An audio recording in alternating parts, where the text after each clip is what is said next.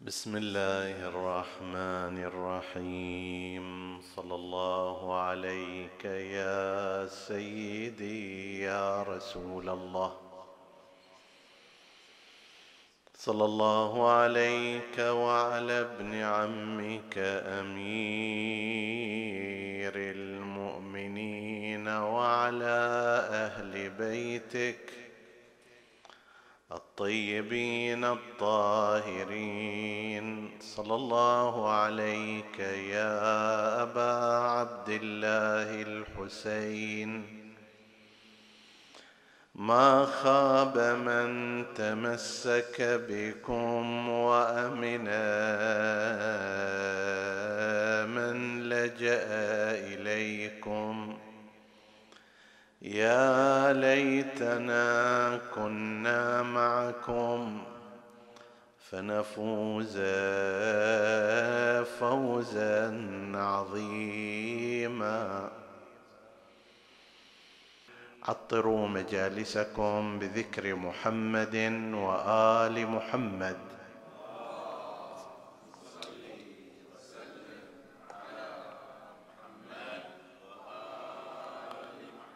اللهم صل على محمد وآل محمد.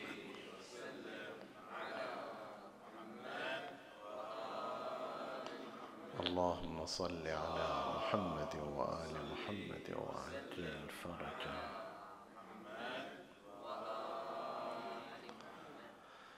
حديثنا بإذن الله تعالى يتناول شيئا من سيرة رسول الله صلى الله عليه وآله من البداية إلى سنة الهجرة إلى المدينة. وهي فترة تحتوي على أيام ولادته وشبابه وبعثته من قبل الله عز وجل ودعوته إلى الله في فترة مكة إلى أن أذن الله له وأمره بالهجرة إلى المدينة المنورة. وقد آثرنا أن نفتتح بالآية المباركة انا كفيناك المستهزئين.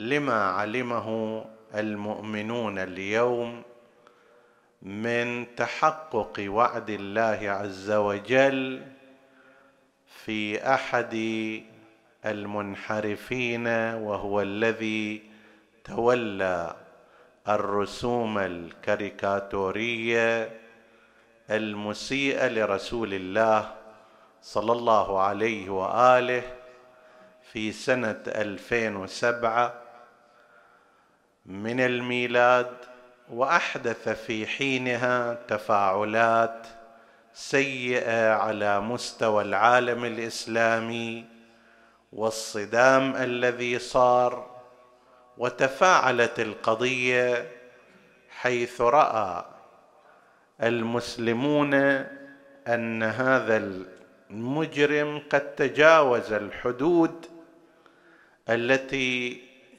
ينبغي أن يكون عليها الإنسان العاقل المتدبر في نتائج عمله. وبينما ركب بعض الساسه من الغربيين ظهر الشيطان وانتصروا له بزعم حرية الرأي وهم في ذلك كاذبون. فإن الرأي أيضا لو كان مضادا لهم بالكامل لا يلبثون أن يحجبوه ويمنعوه. وهذا وسائل التواصل الاجتماعي شاهدة على ذلك فهم يمنعون الكثير من الناس الذين يعبرون عن آرائهم في مخالفة الغرب وسياساته وافكاره فلماذا هناك باؤهم تجر وهنا باء هؤلاء لا تجر؟ المهم منذ ذلك اليوم هذا المجرم كان يعيش حالة من الاضطراب لا يعيش حياة عادية فهو محروس بالشرطة أينما يذهب وأينما يجلس ويقوم وتصور إنسان يصير حالته هكذا لا يستطيع أن يخرج في أي مكان ولا أن يستمتع بحياة ولا غير ذلك. وهؤلاء ربما صدوا عنه الهجوم أو اللفظي أو غير ذلك من قبل الناس ولكن هل يستطيعون أن يصدوا عنه؟ قدر الله عز وجل اليوم حسب ما تواترت الأخبار في ذلك مع الصور المفصلة هو هذا نفسه في سيارة اصطدم بشاحنة واحترق حتى تفحم هو وسيارته إلى حيث يلقى عذاب جهنم خالدا فيها. الله سبحانه وتعالى يقول لنبيه إنا كفيناك المستهزئين. ليس هذا هو الأول وإنما في طول التاريخ كان هناك بدءا من قريش من كان يستهزئ برسول الله ويسخر منه ويتهدده ويزعم أنه هو الأبتر وغير ذلك واستمر هذا المشوار الباطل إلى الأيام هذه. وكل أولئك ذهبوا أدراج الرياح وانتهوا وانتهت أيامهم وبقيت رسالة النبي محمد.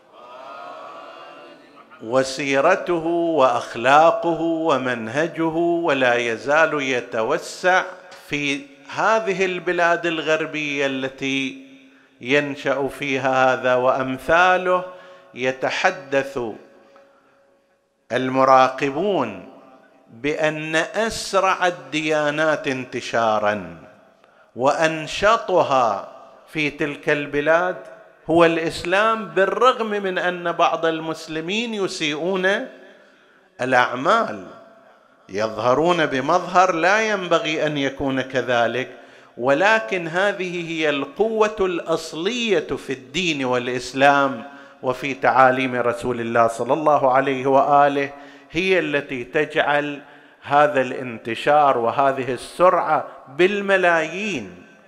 في وقت من الأوقات ما كان في أوروبا إسلام ولا مسلمون إلا أعداد قليلة. الآن يتحدثون عن عشرات الملايين والأمر بهذه السرعة. وما ذلك إلا للاطلاع على سيرة رسول الله ومنهاجه وتعاليمه وشرائعه فإنها فيها هذه القابلية.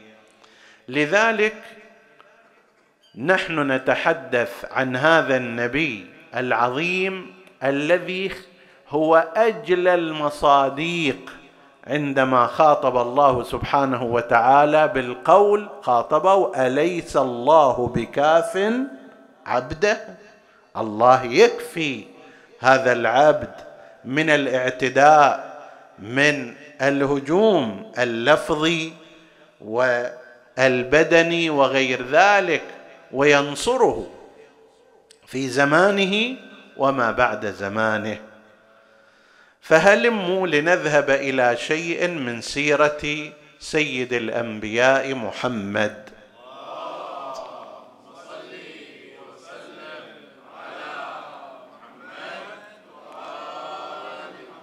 هناك فترة لا نستطيع أن نخوض فيها لأننا يصعب علينا أن ندركها بالكامل. هذه فوق مقاييسنا. تلك الفترة هي ما قبل ولادة رسول الله صلى الله عليه وآله. عالم الأنوار. كنا قبل الخلق أنوارا سبحنا فسبحت الملائكة وكبرنا فكبرت الملائكة وحمدنا ربنا فحمدت الملائكة. هذه الأنوار الخمسة لمحمد وآله قبل الخلق قبل تكوين الكائنات علمت الملائكة هذه الأنوار كيف يعبدون ربهم وكيف يحمدونه وكيف يسبحونه كيف نقدر نتعقل هذا ونبصره فوق قدراتنا إحنا اناس مصممين لعالم الدنيا؟ عيننا بمقدار معين أكثر من خمسة كيلومتر ما تشوف هاي العين؟ أذننا تسمع بمقدار معين. أكثر من درجة صوتية لا تستطيع أقل من درجة صوتية لا تستطيع. عقلنا أيضا هو كذلك. مثل هذه الأمور فوق طاقتنا أن ندركها ولولا أنها جاءت من طرقهم بأخبار معتبرة وفي تفاسير معتد بها لكان يصعب علينا تعقلها. نفس عالم الذر وإذا أخذ ربك من بني آدم من ظهورهم ذريتهم وأشهدهم على نفسه ألست بربكم؟ قالوا بلى. كيف هذا كان؟ متى كان؟ بأي صورة؟ في أي وجود؟ نحن لا نعلم تفصيلا بذلك ولكننا نعلم على سبيل الإجمال أنه قبل عالم الوجود الدنيوي هذا كان هناك عالم آخر عرف الله خلقه إياه. تعرف إليهم ولذلك يوجد في فطرة كل إنسان كل كائن بشري بل كل كائن شاعر يوجد في داخل فطرته الإيمان بالله عز وجل. عندما يخاف يلجأ اليه عندما يرجو يلجأ اليه إحساسه به والأنبياء عندما جاءوا إنما ازالوا الغبار ليثيروا لهم دفائن العقول للبشر. ما يجون يعلموهم من البداية. هذا يعرف ربه لكن صار عليه غبار الشهوات والأهواء والنسيان والغفلة. فيجي النبي يمسح هذه المرآة حتى تغدو ناصعة البياض ويكتشف من خلالها وجود الرب. تفاصيل هذا ما هو؟ لا نستطيع أن نعرف هذه التفاصيل. كيف؟ ماذا يعني أول عندما يسأل جابر بن عبد الله الأنصاري يسأل النبي المصطفى صلى الله عليه وآله ما أول ما خلق الله من الخلق قال نور نبيك يا جابر. أول شيء خلق نور النبي صلى الله عليه وآله. كيف هذا؟ متى هذا؟ ثم بعد ذلك ما حصل؟ قد لا نستطيع أن نخوض في تفاصيله. ولكن نؤمن به على نحو الإجمال والمعنى العام. هذا ما قبل ولادة رسول الله صلى الله عليه وآله. انتخب واصطفي وانتجب من بين مليارات البشر لأنه أفضلهم والمسارع فيهم إلى عبادة ربه والاستجابة. له ولذلك كان أول الخلق وأفضل الخلق وسيد المرسلين لسرعة استجابته بالقياس إلى سائر البشر. فهذا عالم آخر عالم الوجود النوري عالم بداية الخلق عالم الذر عالم الحقيقة المحمدية سمها ما تشاء هذا عالم يحتاج إلى كثير من البحث وإنما نتحدث عما بعد وجوده لكي نحقق الآية المباركة لقد كان لكم في رسول الله أسوة حسنة فنبدأ من ولادته صلوات الله وسلامه عليه. ولادة النبي كما هو المعروف كانت في عام الفيل. كانت العرب كانت العرب تؤرخ السنوات بالأحداث المهمة فيها. فتقول مثلا الحدث المهم الأكبر كان عام الفيل الذي جاء فيه ابره الحبشي الملك المسيحي ورأس الكنيسة المسيحية في الحبشة لكي يهدم الكعبة وفي المقابل حتى يتوجه الناس إلى كنيسة هو بناها في الحبشة. ويصير دينهم في ذاك الاتجاه. فحصل ما حصل مما هو معروف من أن الله سبحانه وتعالى أرسل عليهم طيرا أبابيل ترميهم بحجارة من سجيل. الفخر كل الفخر في هذه القضية كان لجد النبي محمد صلى الله عليه وآله وهو عبد المطلب. عبد المطلب كان زعيم قريش وبينما خرج كبار قريش وزعماؤها وصعدوا إلى الجبال ومعهم حشمهم وأهاليهم وخدمهم وأموالهم وإبلهم بقي عبد المطلب جد رسول الله وهو الذي ورث الإبراهيمية وسن سننها وطبقها في قريش. حتى قسم مما يجري من الحج وغير الحج عندنا روايات تشير إلى أنه عبد المطلب سن عشر سنن في قريش فجاء الإسلام وأمضاها. بعضها عبادية مثل الطواف سبعة أشواط ومثل أن يكون من طرف اليسار. وأمثال ذلك تحدثنا عن عبد المطلب وشخصيته في حديث عن أسرة النبي صلى الله عليه وآله. المهم الوحيد الذي بقي في مكة ولم يتحرك وكان ينبأ بأن حدثا ما سيحدث. فلذلك كان يقول لبعض ولده اذهب وانظر ناحية البحر هل ترى شيئا قادما؟ فيروح ينظر وينتظر وإذا به يجد قوافل من الطيور وأسراب قد قدمت. قال أرض فجاء مسرعا إلى عبد المطلب إلى أبيه وقال أبا رأيت طيورا في السماء قال هلكوا ورب الكعبة. هو بقى في مكة ما تحرك من مكانه ما صعد ما هرب وعندما جاء ابرهه وسيطر على الإبل التي كانت لعبد المطلب لأن ذول جيش كل اللي قدامهم شالوه.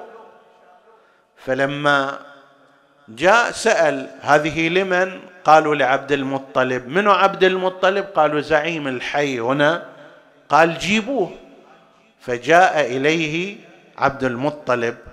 وكان عبد المطلب جسيما وسيما طويلا يملأ العين.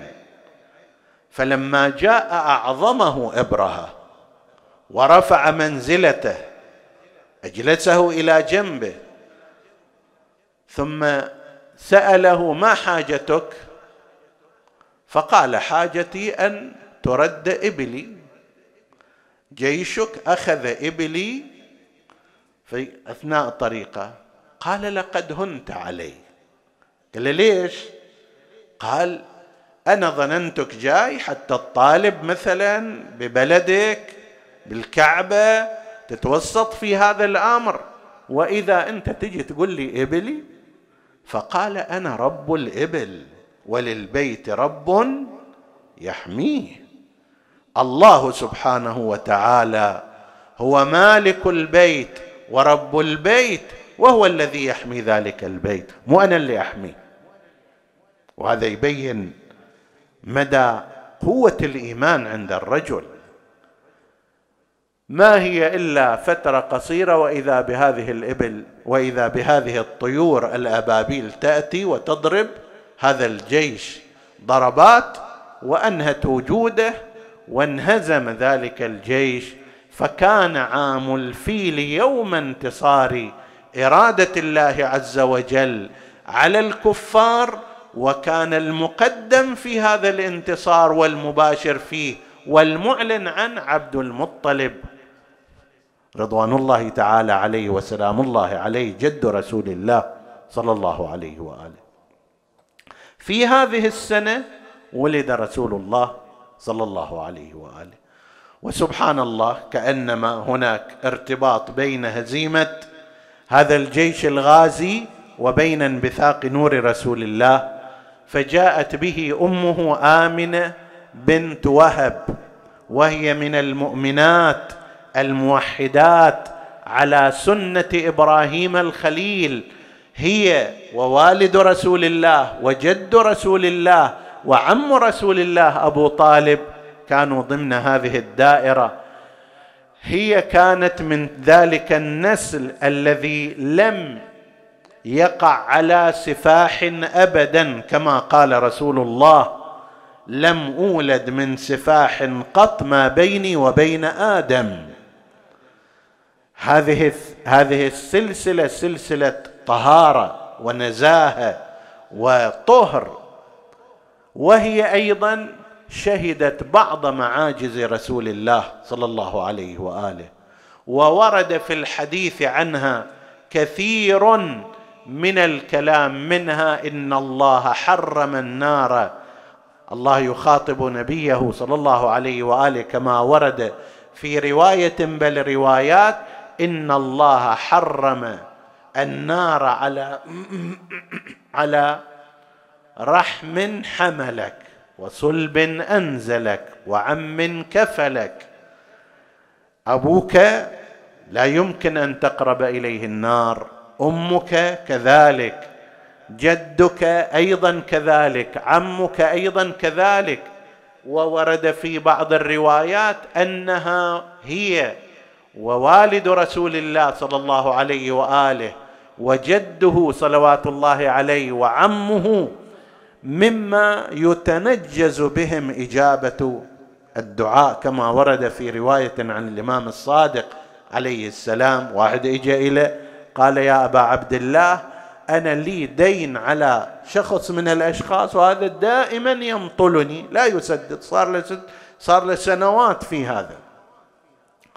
فقال إذا جئت مكة المكرمة فطف طوافا عن عبد الله وطوافا عن آمنة وطوافا عن عبد المطلب وسل الله حاجتك. يقول بس سويت هذا ما كملتها إلا وإذا غريمي عند المطاف ينتظرني ويقول أين أنت حتى أعطيك طلبك؟ سبحان الله نطول السنوات أنا طارد وراه وإذا هو هو يطلبني في ذلك والحديث في هذا كثير. فجاء رسول الله صلى الله عليه وآله من أمه آمنة بنت وهب المؤمنة الموحدة التي كانت على ديانة إبراهيم. هذا عليه أكثر المسلمين باستثناء فئة من من نهجت الاتجاه الأموي. قالت لا جد جدة كافر عمة كافر أبو كافر امه كافر كلهم في النار. طيب وهذا دائما يؤكدون عليه بمناسبة وبغير مناسبة. يقول لك أن النبي قال إن أبي وأباك في النار وهذا عندنا من الأحاديث الكاذبة. فولد رسول الله صلى الله عليه وآله أبوه عبد الله والذي تنقل روايات وقصص كثيرة في استقامته الأخلاقية التي تضاهي وتشابه استقامة نبي الله يوسف مع زليخة في قصة مفصلة لا نستطيع التعرض إليها. توفي والد النبي عبد الله ولا يزال رسول الله صلى الله عليه وآله حملا في بطن أمه فلم يرى النبي أباه ولم يرى الوالد عبد الله عبد الله لم يرى النبي المصطفى صلى الله عليه وآله وجاء لكي يتلقفه رعاية وعناية جده عبد المطلب. كفله جده عبد المطلب أحاطه بكل العناية والرعاية. كانت هناك حاجة إلى الرضاعة وإلى الحفاظ عليه أيضا. حفاظ عليه لأن اليهود كانوا قد علموا بما لديهم من الأخبار أن النبي الموعود يولد في ذلك الوقت وفي مكة. وكان في اليهود من يتربص بالنبي عداوة له وكان يخشى عليه منهم. بالذات اليهود كان فيهم خط عدواني ينتهي إلى عدم الإيمان برسول الله وبرسالته وهذا استمر طبعا إلى ما بعد حتى لما جاء إلى المدينة حاربوه تآمروا عليه حاولوا قتله اغتياله هذا نفس الخط. وفي بدايات الأمر كانوا يحاولون أيضا القضاء عليه. لذلك عبد المطلب رعاية للأمان عليه وللحفاظ عليه أرسله إلى البادية وقضية حليمه السعدية التي أرضعت النبي. رضاعة حليمه السعدية للنبي من الأمور المسلمة تاريخيا لا معنى للتشكيك فيها. تحدثنا عن ذلك في كتاب أعلام الأسرة النبوية في فصل خاص عن حليمة السعدية مرضعة النبي صلى الله عليه وآله.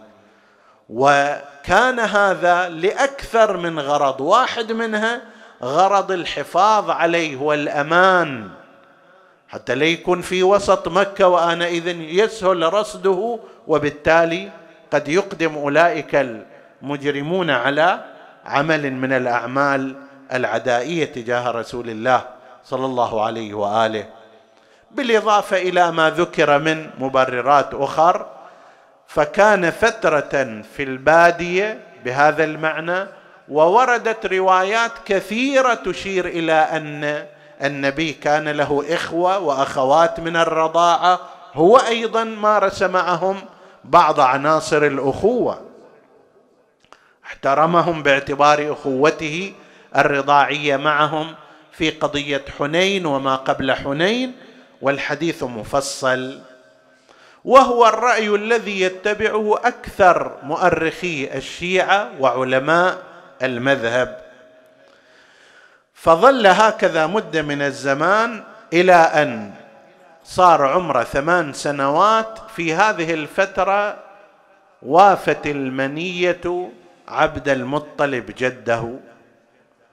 قبل ما يتوفى عبد المطلب عهد بكفالته إلى عمه أبي طالب إلى عم النبي وابن عبد المطلب أبو طالب هو من أوجه لو لم يكن الأوجه بينهم الأوجه من أبناء عبد المطلب هو أبو طالب.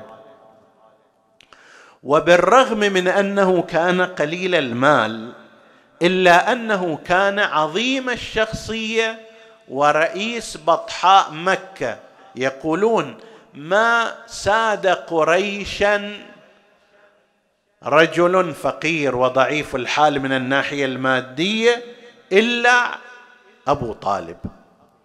فهالمجتمع المادي اللي يعطي معاني كثيرة لقضية المال الأكثر أموال هو الذي كان يتصدر ويتصدى؟ أما واحد مثل عبد مثل أبي طالب اللي ما كان عنده أموال كثيرة ما كان فقيرا بمعنى أنه لا يقيم نفسه لا نقول مثلا من الناس متوسطي الحال فنازلا. وهذا في المقاييس العادية ما كان يمكن أن يتصدر مجتمعا ماديا كالمجتمع القرشي. لكن أبا طالب لقوة شخصيته وحنكته وحكمته وسياسته أصبح بمثابة الرجل الأول في قريش. وهذا قد يكون واحد من الأسباب التي جعلت عبد المطلب جد النبي ووالد أبي طالب يعهد إلى أبي طالب بكفالة رسول الله بالرغم من أن عبد المطلب كان عنده عشره من الأبناء مو واحد ولا اثنين لكنه اختار من بينهم أبا طالب. فقام أبو طالب سلام الله عليه بكفالة ابن أخيه عبد الله محمد ابن عبد الله وهما أبناء أم واحدة يعني عبد الله والد النبي وأبو طالب أمهما واحدة. قام بالإشراف على ابن أخيه الإشراف الأمثل. والحمد لله أنتم من حضار هذه المجالس عادة يذكر إيمان أبو إيمان أبي طالب وكفالته لرسول الله والقصص في هذا كثيرة وأنتم بحمد الله تعرفونها بالكامل. الشيء الأساس في هذا كان أن أن أبا طالب كان يعرف النبوة في رسول الله وكان يحافظ عليه ويلاحظ أمره ويحميه من المؤامرات المحتملة قبل البعثه هذا الكلام. وكان غير أبي طالب أيضا يعرف النبوة في رسول الله وقصة بحيرة الراهب معروفة وغيره أيضا. لما ذهب عمر النبي ذاك الوقت حوالي 13 سنة وأبو طالب كان يذهب إلى الشام للتجارة لأن بني هاشم كانوا يتخذون التجارة مصدرا للعيش. غيرهم كانت قضية الغزو والحروب يغزو هالفئه هذه يغزو هالقبيله ويأخذ أموالها يصادرها. هؤلاء كانوا يجدون هذا امرا غير أخلاقي. ان تروح تهاجم جماعة وتسوق أنعامهم وإبلهم وأغنامهم وأموالهم. غير غير مشروع وغير أخلاقي. ففي مك ومكة ما كانت بلد زراعي فكان طريقهم في ذلك لإعالة أمرهم كانت قضية التجارة. فيذهبون بين فترة وأخرى من ذلك أن أبا طالب كان يذهب إلى بلاد الشام لكي يتاجر. ذات مرة استرفق معه رسول الله صلى الله عليه وآله. في الطريق التقوا برجل في صومعة يقال له بحيرة الراهب وهذا من خلال العلامات التي كانت عنده في الكتب تعرف إلى أن هذا الغلام الذي كان مع أبي طالب هو هو النبي الذي سيبعث. فجاء إلى أبي طالب بعد عدة اختبارات اختبرها وقال لأبي طالب يا أبا طالب إن هذا هذا الغلام سيكون له شأن وهو الذي سيكون مبعوثا فحافظ عليه من قوم يهود. يعني حتى هذا الراهب المسيحي كان عنده علم أنه اولا هذا نبي سيبعث وثانيا أن قوم اليهود يتآمرون عليه ويخططون لاغتياله.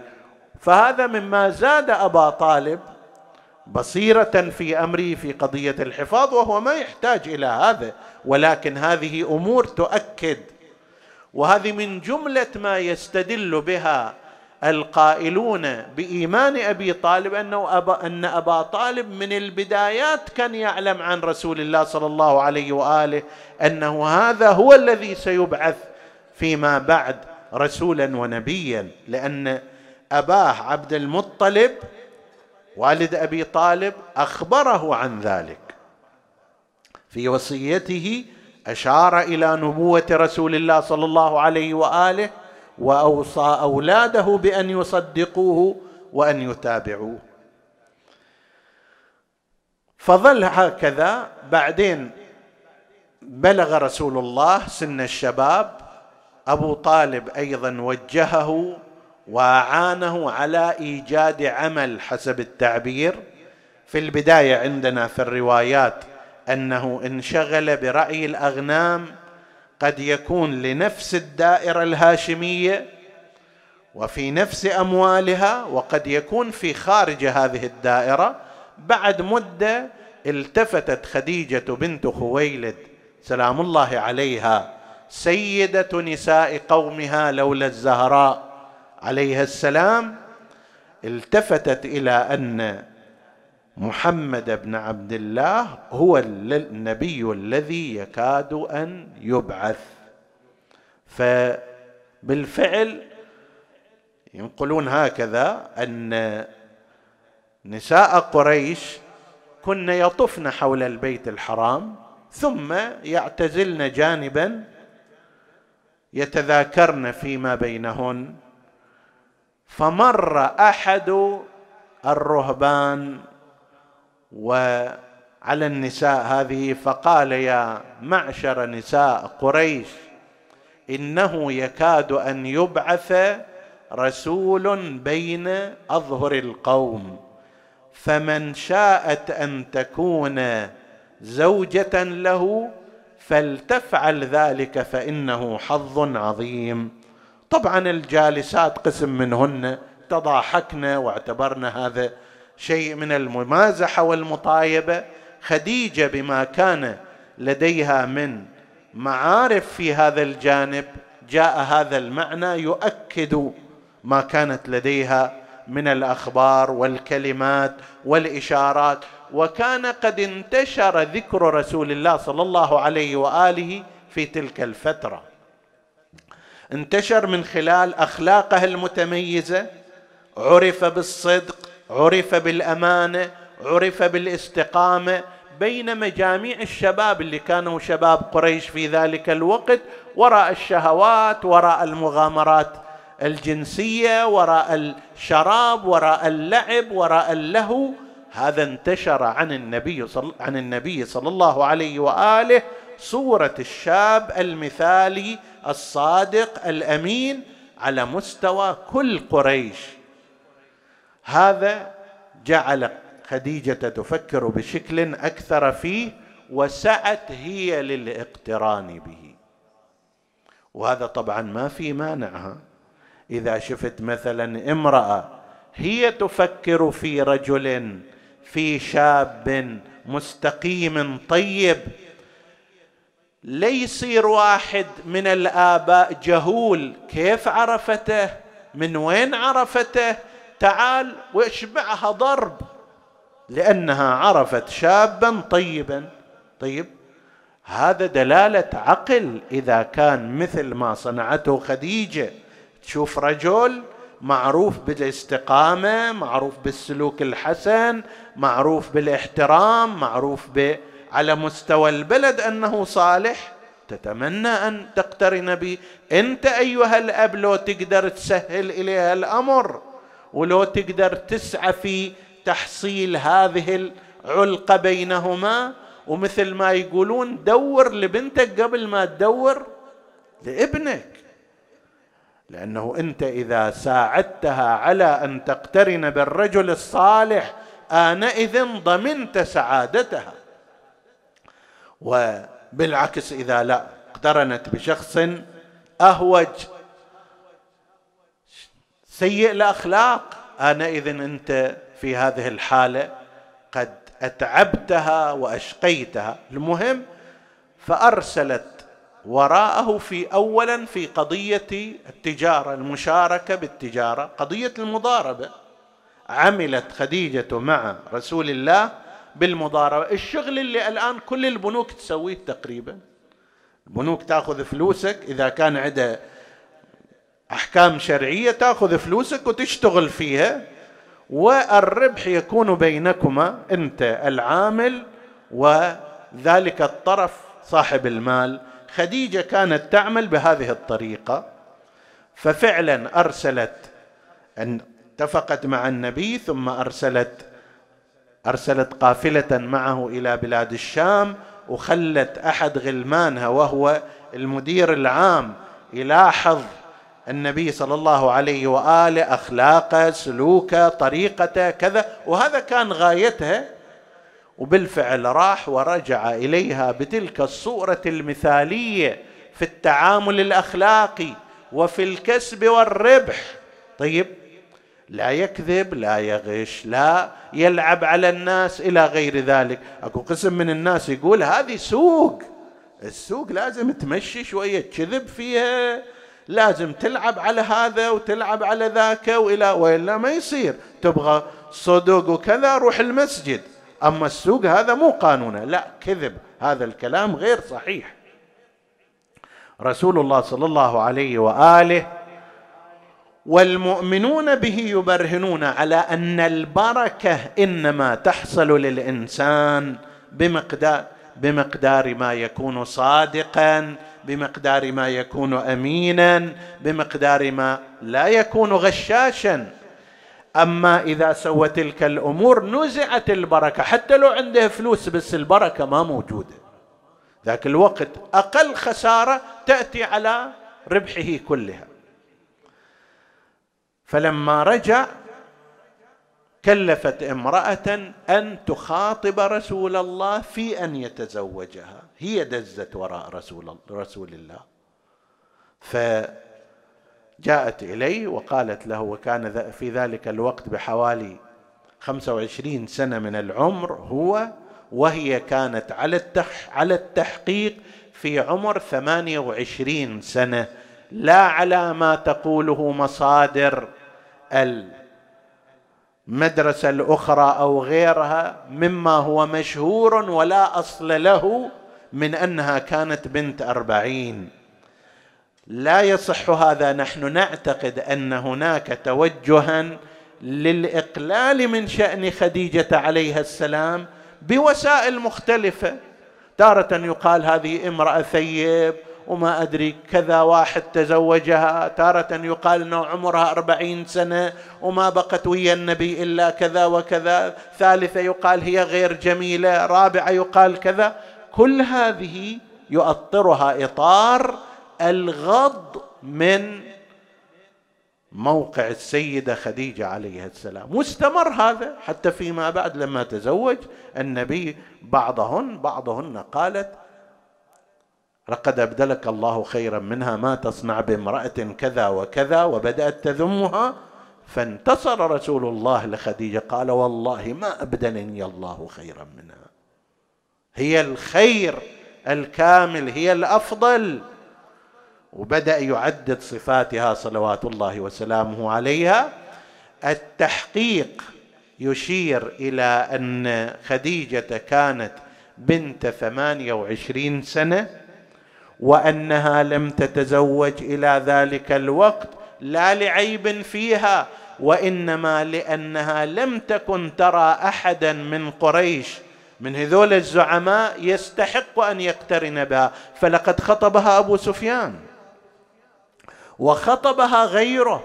لكن هذه التي كانت تسمى بالطاهرة خديجة حتى قبل زواجها برسول الله كانت تعرف في قريش بأنها الطاهرة. هاي الطاهرة تروح تقترن بواحد يتباهى بأنه ذهب إلى الطائف وقال لفلان اطلب لي بغيا شوف لي على عاهرة دور لي على عاهرة. ويرويها بالفم البليان رحت وسويت هالشكل وريحة إبطها كذا وسويت وياها كذا. قدام الله وخلقه على قولهم. مثل هذا وأمثاله ممن كان من زعماء قريش ما كانت خديجة ترى أن هؤلاء يستحقون أن تقترن بهم على أن قسما منهم كانوا في زواجهم بها طمعا لأموالها فلا هو في مستوى أن يتزوجها ولا أنها هي أيضا كانت ولا أن رغبته فيها لنفسها وإنما رغبته غالبا كانت طمعا في مالها. لكن النبي صلى الله عليه وآله مختلف تماما فأرسلت إحدى نسائها إلى رسول الله وقالت له يا محمد أما آن لك أن تتزوج؟ ما تريد تتزوج؟ قال لها رسول الله وهو العالم. قال له قال له ومن يتزوجني؟ قل يا رسول الله كل الخلائق والبشر تتشرف بأن تكون ترابا لأقدامك. ذاك الوقت إلى الآن لم يبعث رسول الله صلى الله عليه وآله وهذا يبين رغبة خديجة في رسول الله صلى الله عليه لما يصير نبي كل الناس حاضرين لكن قبل ذلك مو معلوم. فقالت له خديجة قال لها خديجة بنت خويلد وهي ذات مال وكذا وأنا ما عندي هذه الأموال. قالت هي أرسلتني إليك وعندها تم التوافق على ذلك وجاء أبو طالب ومعه بنو هاشم وخطبوا خديجة وكان والدها متوفى خطبوها من عمها. وهنا تجي كلمة أنه عمها أو والدها كان سكرانا وكذا وخطبت وهو في هذه الحالة هذه من الأكاذيب. أبوها أساسا كان قد توفي في ذلك الوقت وعمها كان موجودا ولكنه لم يستطع الكلام لأنه قد أخذه البهر. وقسم من الناس في حضور جماعة قد لا يستطيع أن يتكلم. فتزوج رسول الله خديجة سلام الله عليها وبقي معها وبقيت معه إلى حين وفاتها قبل أن يهاجر رسول الله صلى الله عليه وآله بسنة أو سنة ونصف إلى المدينة المنورة. في هذه الأثناء بعد خمسة عشر عاما من زواجه بها بعث رسول الله صلى الله عليه وآله نبيا من عند الله عز وجل. وكانت في هذه الفترة خير امرأة رآها رسول الله رآها رسول الله صلى الله عليه وآله بالرغم من أنه رأى غيرها بعدها وفيهن كانت من الكاملات مثل أم سلمة ومثل زينب بنت جحش ومثل غيرها. طيب ولكن ما رأى رسول الله صلى الله عليه وآله امرأة كما رأى خديجة بل إنهن كلهن. ما ما قمن مقام خديجة بنت خويلد صلوات الله وسلامه عليها. بعث رسول الله بالنبوة بالطريقة التي نحن نعتقدها لا بالطريقة التي تقدم في بعض مصادر المسلمين من أن النبي ما كان يدري عن قضية بعثته وأنه كان يعتكف في غار حراء فجاء جبرائيل ونزل عليه وارتعب النبي وأخذه وغطه وقال له اقرأ قال ما أقرأ ما أنا بقارئ أخذه وغطه وأرسله وكأنما في معركة. طيب إلى أن قال له كذا ثم لما قرأ ذلك الكلام خرج وهو مرعوب مفزوع وحاول الانتحار ثم ذهب إلى بيته وهو يقول لا أعلم ما الذي يجري علي إلى أن جاء ورقة بن نوفل المسيحي وقال له لا ترى أنت صحيح نبي وإلى آخره؟ هذا كله كلام لا أصل له ولا معنى. النبي المصطفى صلى الله عليه وآله كل من حوله كانوا يعرفون فيه النبوة. الآن هو النبي ما يعرف النبوة في نفسه. الحجر كان يسلم عليه حتى في بعض الوثائق الأثرية يقال بقي ذلك الحجر الذي يسلم على رسول الله صلى الله عليه وآله في مكة إلى ما بعد فتح مكة. كان معروف أن هذا الحجر كان يسلم على رسول الله صلى الله عليه وآله بالنبوة قبل بعثته. الأحبار الرهبان اليهود المسيحيون كل هذول يعرفون. حتى الذين كانوا يتآمرون على حياته يعرفون أن هذا هو رسول الله. النبي ما يعرف بنفسه طول هالمدة. نايم غافل. ليس هذا صحيحا ابدا. وإنما نحن نعتقد أنه كان يتوقع ذلك كان يترقب ذلك كان يرى المبشرات كان يسلم عليه الحجر يسلم عليه الشجر يخاطب بخط من الملائكة بالسلام عليك يا رسول الله. هذا كله قبل البعثة تمهيد إلها وتأكيد إلها إلى أن صار ذلك اليوم. بالفعل نزل على رسول الله صلى الله عليه وآله الوحي وقرأ معه وقام رجع إلى منزله ودعا زوجته خديجة. مو خديجة هي اللي أقنعته كما يقولون قالت له أنا راح أتكشف فشوف هذا اللي يجيك. موجود لو ما ي... لو ما موجود إذا موجود معناه أنه هذا شيطان أنه ما ما يعني يشوف مرة متكشفة وما يتوخر. طيب وإذا لا ما موجود فهذا يتبين ملك لأنه يرى امرأة متكشفة ومع ذلك يختفي. هذا كلام فارغ.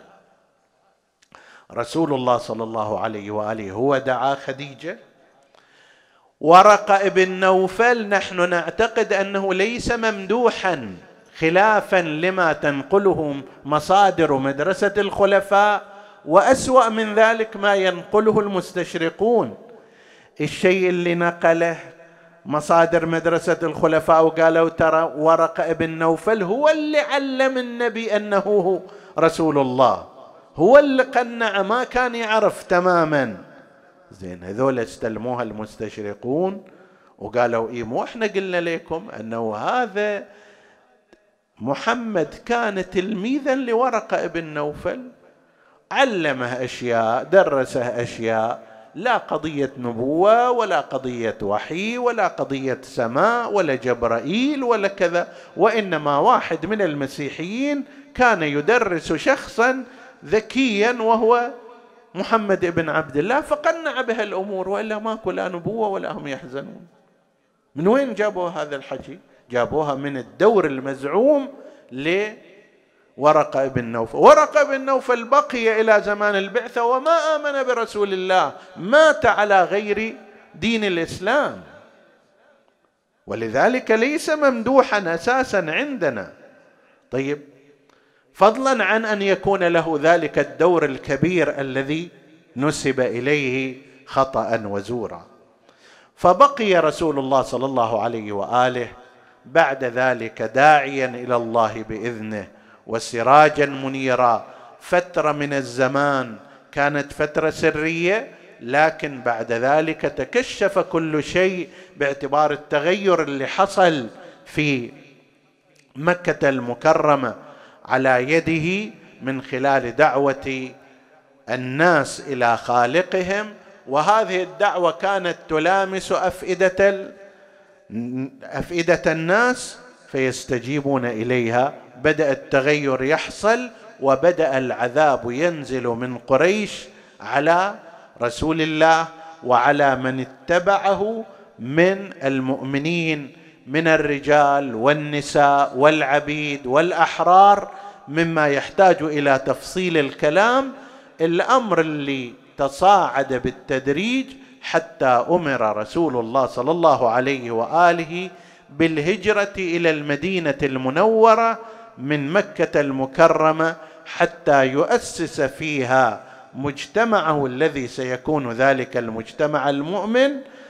فالنبي صلى الله عليه وآله غادر مكة مبكرا لكي يصل إلى المدينة المنورة مهاجرا وأوصى أمير المؤمنين عليه السلام عليا بأن يتبعه بعد أيام بعد أن يرد الأمانات لأن النبي لأمانته كان مستودع أمانات الناس ولكي ينهي أعمال رسول الله صلى الله عليه وآله ويؤدي ديونه ويقضي حاجاته وأغراضه ففعلا صنع ذلك كله وبعد ثلاثة أيام بينما رسول الله قد وصل إلى المدينة المنورة خرج أمير المؤمنين عليه السلام وكان في نحو العشرين وما بعدها في ذلك الوقت وعندها لأن النبي صلى الله عليه وآله أكبر سنا من أمير المؤمنين عليه السلام بثلاثين سنة فخرج عليهم أمير المؤمنين على أهل مكة وقال لهم إن من كان له عدة أو أمانة أو غير ذلك عند ابن عم رسول الله صلى الله عليه وآله فليأتي ويأخذها مني فإني راحل بعد ثلاثة أيام. النبي غادر وأنا أيضا راح أكون مغادر في هذه الفترة. أي واحد عنده شيء يم رسول الله خليه يجي ياخذه. كبر طبعا على قريش. أن شابا بهذا النحو يتظاهر أمامهم بأنه هو طالع ومعه رحل رسول الله ونساء رسول الله صلى الله عليه وآله فاطمة بنت النبي بنت النبي صلى الله عليه وآله سيأخذها معه أمه فاطمة بنت أسد غيرهن وعلى رؤوس الملأ وعلى رؤوس الأشهاد كبر عليهم ذلك. هذا خارج على كل قريش يتحداها. فتربصوا به عندما أراد الخروج وهو خارج ومعه الضعائن باتجاه المدينة المنورة فأرسلوا إليه عددا من الفرسان لكي يمنعوه. بعضهم معروف بالبطولة والفروسية ولحقوا عليا عليه السلام وأمروه بالرجوع. قال فإن لم أفعل قالوا نرجع بأكثرك شعرا يعني نرجع برأسك. قال هلموا إن شئتم. بالفعل تقدم إليه أحد عبيدهم وكان معروفا بالشدة والقوة والشجاعة وشن حملته على أمير المؤمنين عليه السلام فتلقى أمير المؤمنين ذلك الرجل بضربة قيل أنه ضربه ها هنا وأخرج السيف من تحت إبطي. يعني قسمه نصفين. هذه الضربة وحدها كانت كفيلة بأن ترد ذلك الجمع الذي تابع عليا لأنهم رأوا أنه يضرب بهذا النحو ويقاتل بهذه الطريقة فرجعوا عن ذال عن قتاله وعن حربه إلى مكة وسار علي عليه السلام متجها إلى المدينة ومعه النساء الهاشميات ومعه أمه فاطمة ومعه من ستكون زوجته بعد عدة سنوات فاطمة بنت رسول الله صلى الله عليه وآله وهن آمنات لا يعتريهن خوف ولا يشتكين من هجوم أحد. لذلك كان في محلها أن فاطمة الزهراء عليها السلام عندما هجم عليها القوم بعد سنوات أنها تنتظر من علي أمير المؤمنين ضربة كما فعل في مثل هذه الأوقات. لو تلحظ بعينك ثبير تزلزل وذاب. وقبال عينك يأصرون بصاير الباب. انت هالشكل عندك هذه البطولة عندك هذه القوة عندك هذه الشجاعة. تتذكر مثل هاليوم اللي حميتني فيه وإذا في المدينة يجون إليك هؤلاء ثم لا ترد علي. لو تلحظ بعينك ثبير تزلزل وذاب وقبال عينك يأسرون. بصاير الباب متعجب العالم من أفعال. متعجب العالم من أفعالك يا كرار بالدار جالس. بالدار جالس والعدو يهجم على الدار. ومدامعك تجري وبيدك سيف الافقار وأنا انتخب فضة وجنيني خرب الاعتاب إيش صار عندك هناك؟ شاعر آخر يقول شاعر آخر يقول ما الذي حصل لها بأبي وأمي؟ عصروا ابنة الهادي الأمين وأسقطوا منها الجنين وأخرجوا كرارها والعبد سود متنها يا رسول الله والعبد سود متنها فاستنصرت. حسرا فليتك تسمع. استنصارها فقضت وآثار السياياط بمتنها يا ليت عينك عاينت آثار آه يا فضة يا أنا يا ذي كتاب حزني. من يفض وأبد ما يفض نوحي من يفض إيش صاير عندك؟ قال يون قلبي على الصاحات يفض تعالي بالعجل لحقي لحقي علي. قالت إليك يا فض خذيني وإلى صدرك فسنديني. فقد وربي أسقطوا جنيني وهالذي كسر ضلوعي. ولطم خدي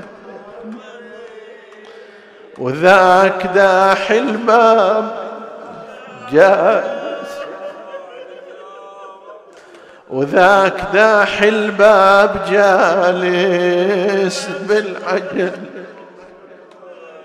قوم اخبريه قالت ملبب خذوا حيدر وريتك تنظري. قايد الفرسان حيدر كيف قادوه فقضت وآثار السياط بمتنها يا ليت عينك عاينت آثارها. نسألك اللهم وندعوك اغفر لنا ذنوبنا كفر عنا سيئاتنا آمنا في أوطاننا.